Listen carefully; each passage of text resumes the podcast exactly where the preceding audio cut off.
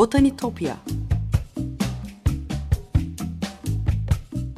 Sesli Doğa Tarihi Müzesi Bitkiler aleminin tuhaf ve muhteşem dünyasını belgeleyen botanik sanatına dair her şey. Hazırlayan ve sunan Benan Kapucu.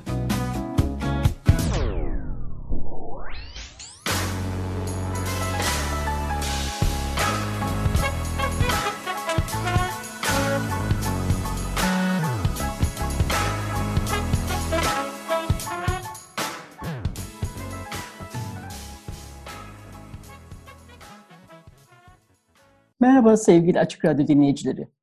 Botanitopya'ya, bitkiler aleminin tuhaf ve muhteşem dünyasına hoş geldiniz. Anlatıcınız ben Benan Kapucu. botanitopya.gmail.com adresinden ya da aynı adlı Twitter ve Instagram hesaplarından bana ulaşabilirsiniz. Yorumlarınızı ve katkılarınızı paylaşabilirsiniz. Ee, yayın sırasında eş zamanlı olmaya çalışarak bahsettiğimiz kimin konuları görsellerle de desteklemeye çalışıyorum. O yüzden takipte kalırsanız çok mutlu olurum. Evet sevgili dinleyiciler geçen hafta biliyorsunuz Orman Yüksek Mühendisi Cihan Erdönmez'le e, Yaşar Kemal'in yaratıcı anlatılarında geçen doğayı, insanı doğayla nasıl anlattığını, e, Yanan Ormanlarda 50 Gün adlı eserinde orman yangınlarını, ormancılık sorunlarını bir ormancı titiziyle nasıl aktardığını konuşmuştuk.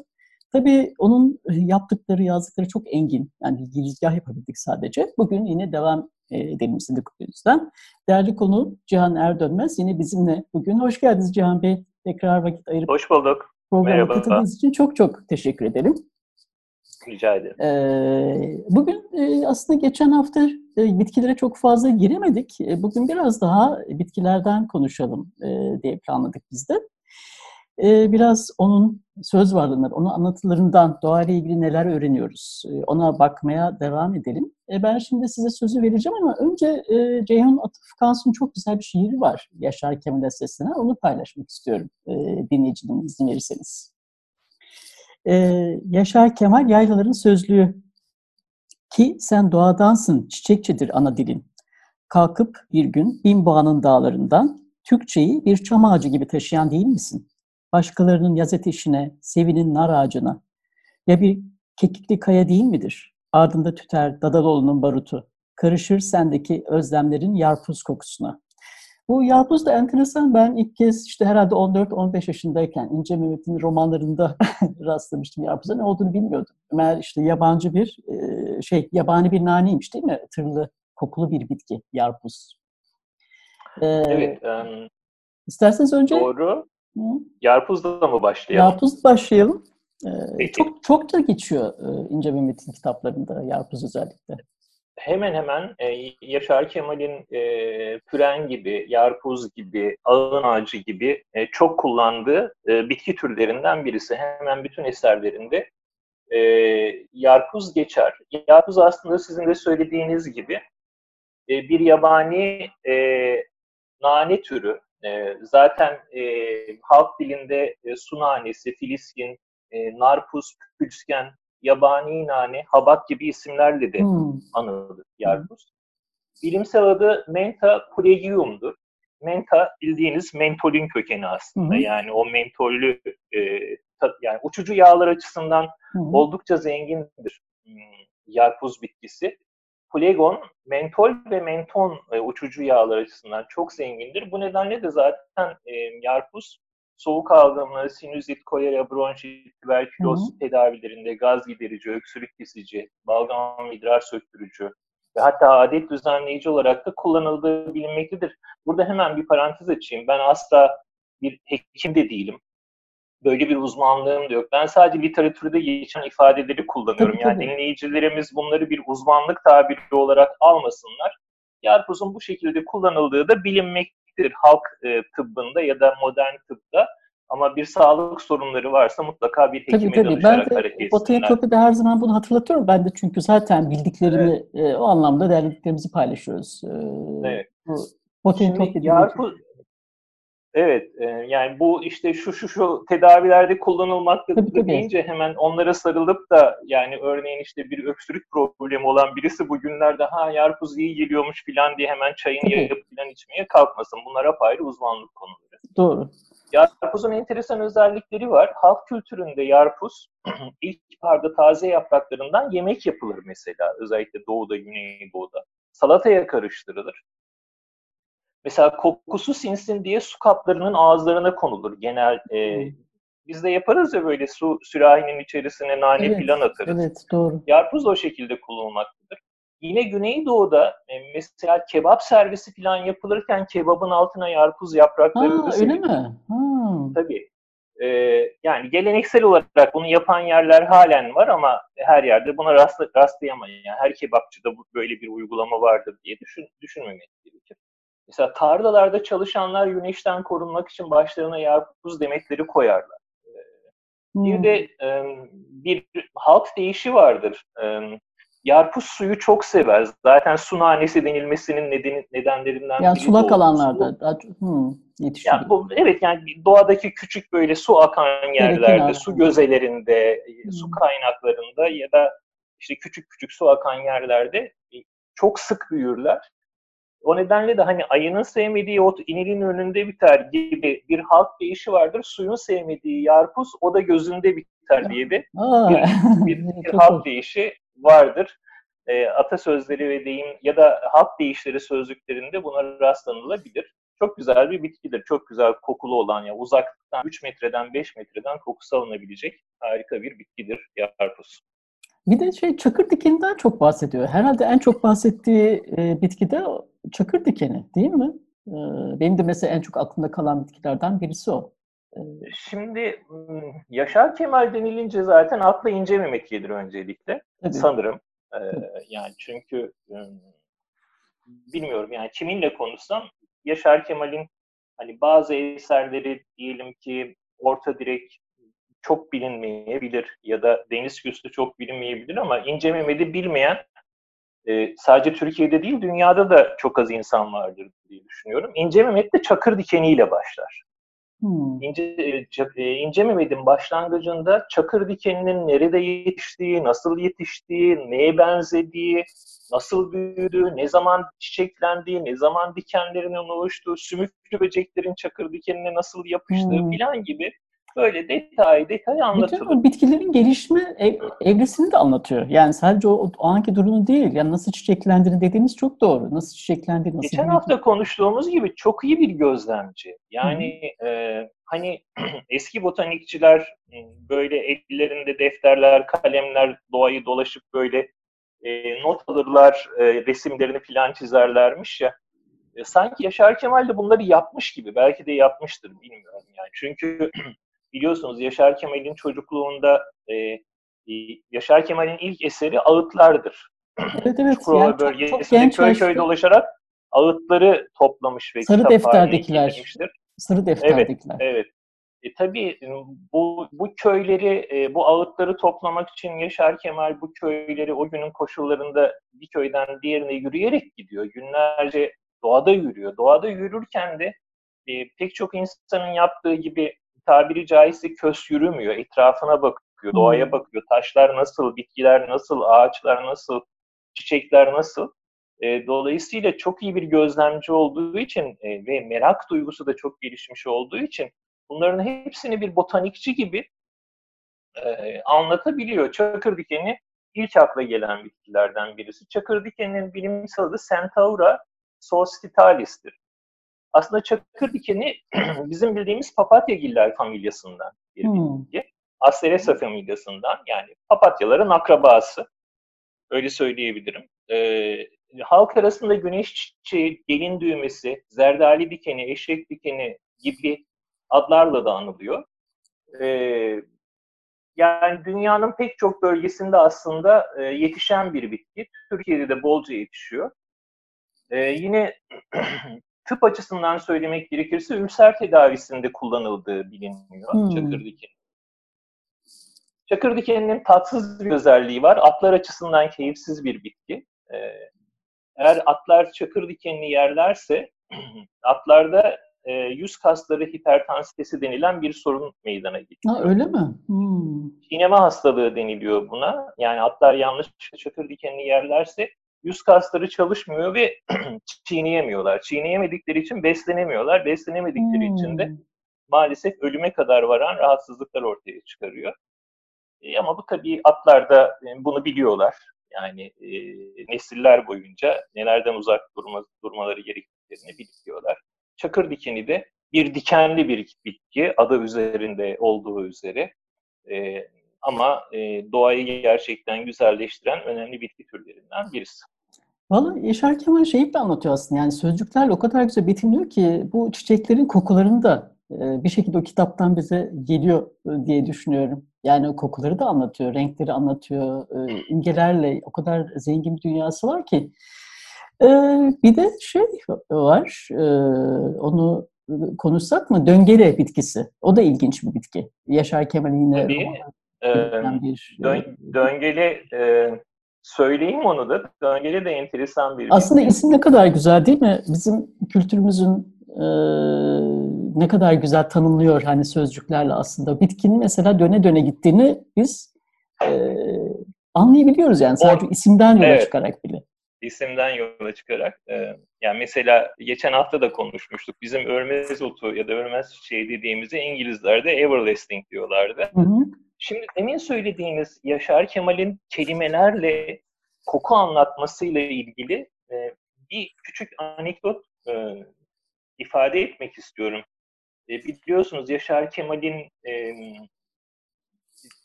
geçen programda da söylemiştim. Kariyerinin başlangıcında ona en çok destek olanlardan birisi Abidin Dino'dur.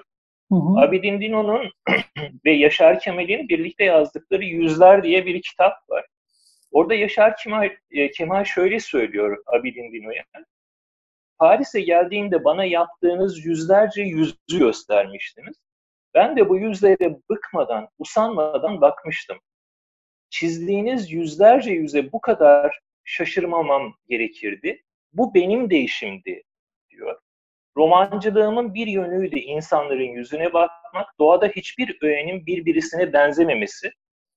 Anımsarsınız e, gençliğimde yüzler çizerdim ama sizin gibi çizgiyle değil sözle diyor. Hmm.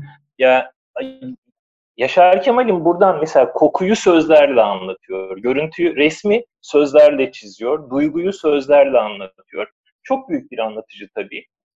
Ee, Mesela şey için de e, bu Emin Özdemir dil bilimci birkaç yıl önce kaybettiğimiz o da koku üzerine şunu demiş. E, Yaşar Kemal'in doğayı sarıp sarmalayan anlatı evreni renkler kadar kokular yönünden de ilginçtir. İşte yosun kokusu diyor, çürümüş ot kokusu, tuz kokusu, yağmur kokusu, ıslak toprak kokusu, bozkır kokusu, e, üstünde çiçek olsun olmasın, eğil bozkır toprağını kokla, mis gibi kokar. Bir avuç toprak al, koynuna koy, günlerce acı, keskin, baş döndürücü bozkır çiçekleri kokarsın. İyicene çıkmamacısına toprağı sinmiştir diyor mesela Yaşar Kemal. Hakikaten de e, Renklerle ilgili de aslında konumuz o değil belki ama o kadar hoş e, şeyleri var ki birkaç ondan da örnek vereyim ben mesela. E, gökyüzü ışıktan bir mavi diyor mesela. Lacivert yumuşak kadife mavi gibi. Çok hoş hakikaten e, resim kelimelerle resim e, çiziyor bize. E, kim de belki botanik çizenler için de çok faydalı bir şey olsa gerek. Evet. Yaşar Kemal renkleri anlatırken de mesela kayalıklardan mor diye bahseder. Mor kayalıklar diye bahseder. Hmm. Anavarlı kayalıklarından falan bahsederken onun o gö- görüşü de çok farklı. Döngeliğe gelirsek, dönmek gerekirse döngeliğe. Hmm. E, döngeleyi aslında biz hepimiz e, çocukluğumuzun e, cowboy filmlerinden, western filmlerin, western filmlerinden evet. hatırlıyoruz. Hani o filmlerde e, rüzgarlı havalarda toprakta döne döne uçuşan bitkiler vardır. Döngeli odur aslında. Hmm. Döngeli bir bozkır bitkisidir. Biliyorsunuz western filmlerde bozkırımsı, çöle yakın ortamlar. Evet. Ya Amerika'nın kuzeybatısında ya da bildiğim kadarıyla Amerika kıta olarak değil de ülke olarak bahsediyorum Amerika'dan. Ee, genellikle oralarda olur western filmleri ya da belki de güneybatısında bilemiyorum. Texas falan daha güneyde galiba. Ama enteresandır döngele bir yani doğal olarak bir Amerikan Amerika kıtasında yetişmeyen bir bitkidir doğal olarak. Aa, İnsan öyle mi? Ben de işte onu bilmiyorum evet. doğrusu. Hayır yok. Ee, döngele e, doğal olarak e, Amerika hariç her yerde yetişir. Anadolu'da da yetişir. Bilimsel adı Salsola coli'dir. Ee, Salsola tabiri e, Latince'deki e, tuz kelimesinden e, türetilmiş bir kelimedir. E, hatta İngilizcesi de zaten saltwort gibidir. Yani tuz bitkisi falan gibi bir e, şey. Çünkü tuzlu topraklarda, Bozkır'da yani, Bozkır'da e, çok iyi yetişir. E, aslında ıspanak gillerdendir. Ispanak e, giller familyasından bir bitkidir. E, demin de söylediğim gibi şu e, bir western filmlerde gördüğümüz sahne sonbaharda Anadolu bozkırlarında bolca görebileceğimiz bir e, Tam da tohumlarını o şekilde saçıyor muhtemelen. Öyle bir bitki mi bu? Tabii yani... tabii tabii tabii. O da bir çeşit e, doğru söylüyorsunuz. Tohum yani dağıtma. Tohumları da sonbaharda olgunlaşıyor. O döne döne tohumlarını da uzaklara taşıyor. Evrimin e, bu bitkiye vermiş olduğu bir avantaj.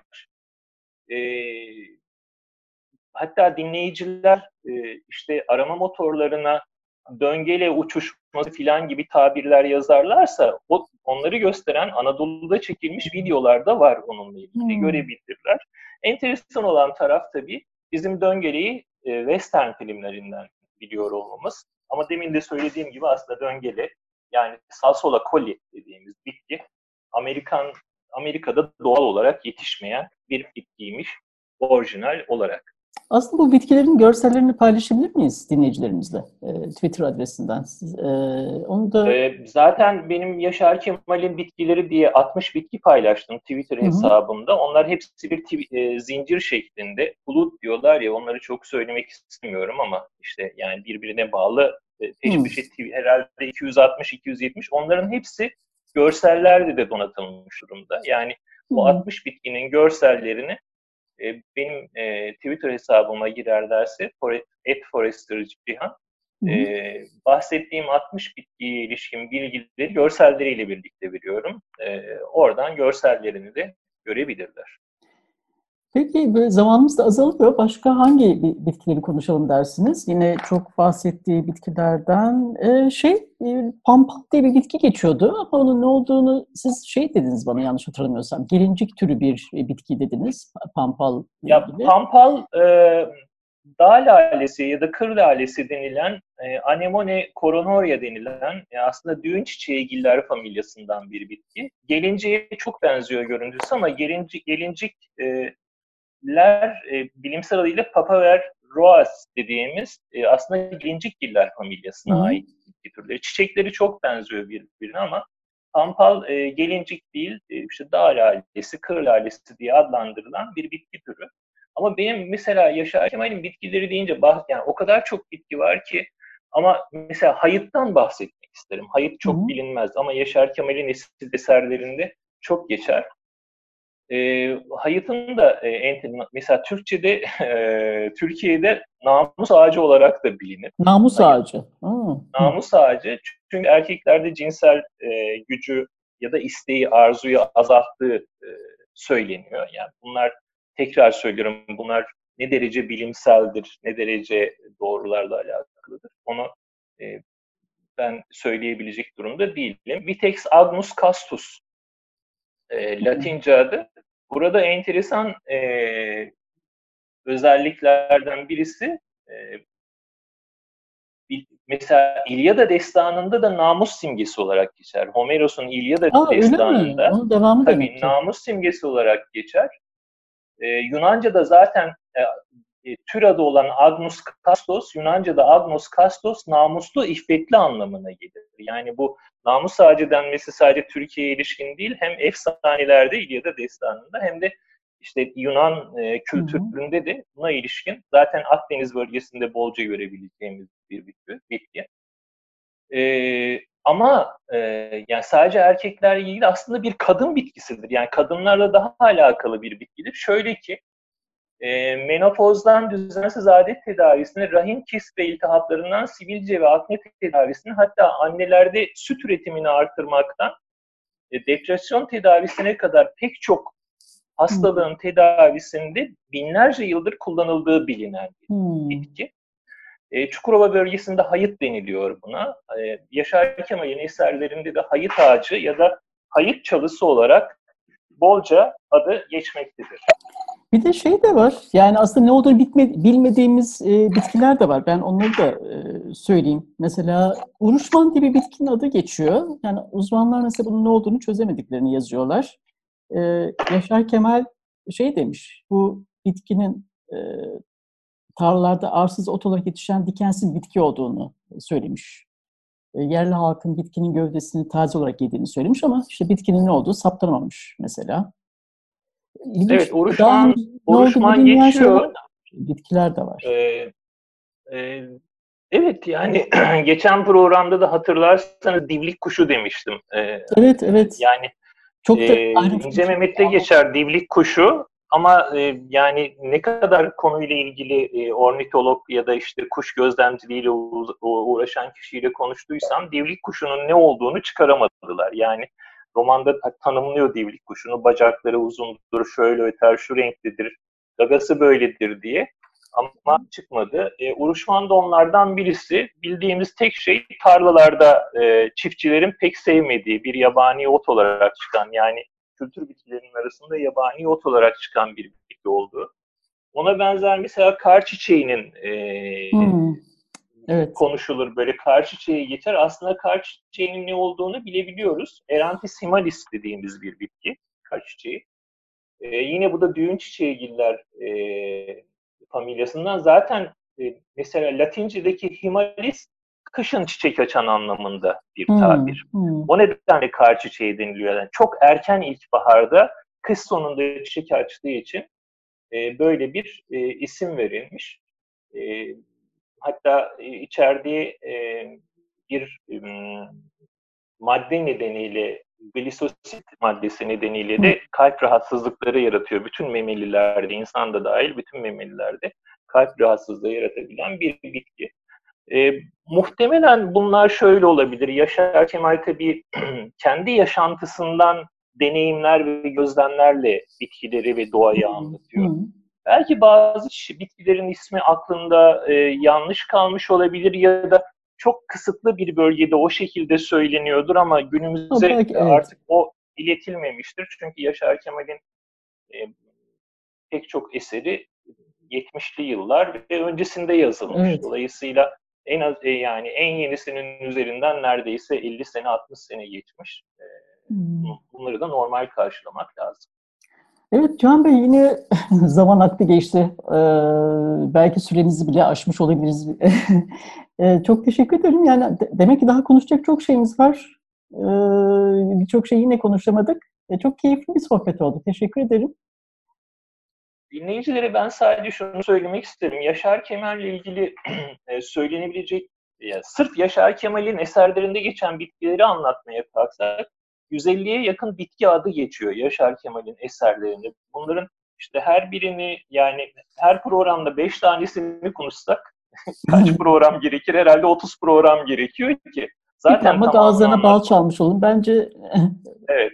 Ama e, tabii dinleyiciler e, zaten Yaşar Kemal'i eminim ki severek okuyorlardır ama e, en azından henüz çok yakınlık hissetmemiş olanlar da şöyle Yaşar Kemal eserlerine biraz daha yakınlaşırlarsa e, müthiş e, doğa tasvirleriyle e, ve doğa anlatımlarıyla karşı karşıya kalacaklar. Harika bir mesaj oldu.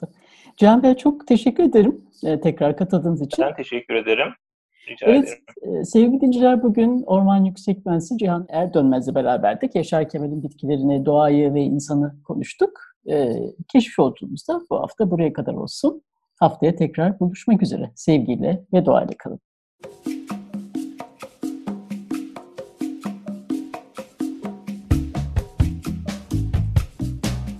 Botanitopya. Sesli Doğa Tarihi Müzesi. Bitkiler aleminin tuhaf ve muhteşem dünyasını belgeleyen botanik sanatına dair her şey. Hazırlayan ve sunan Benan Kapucu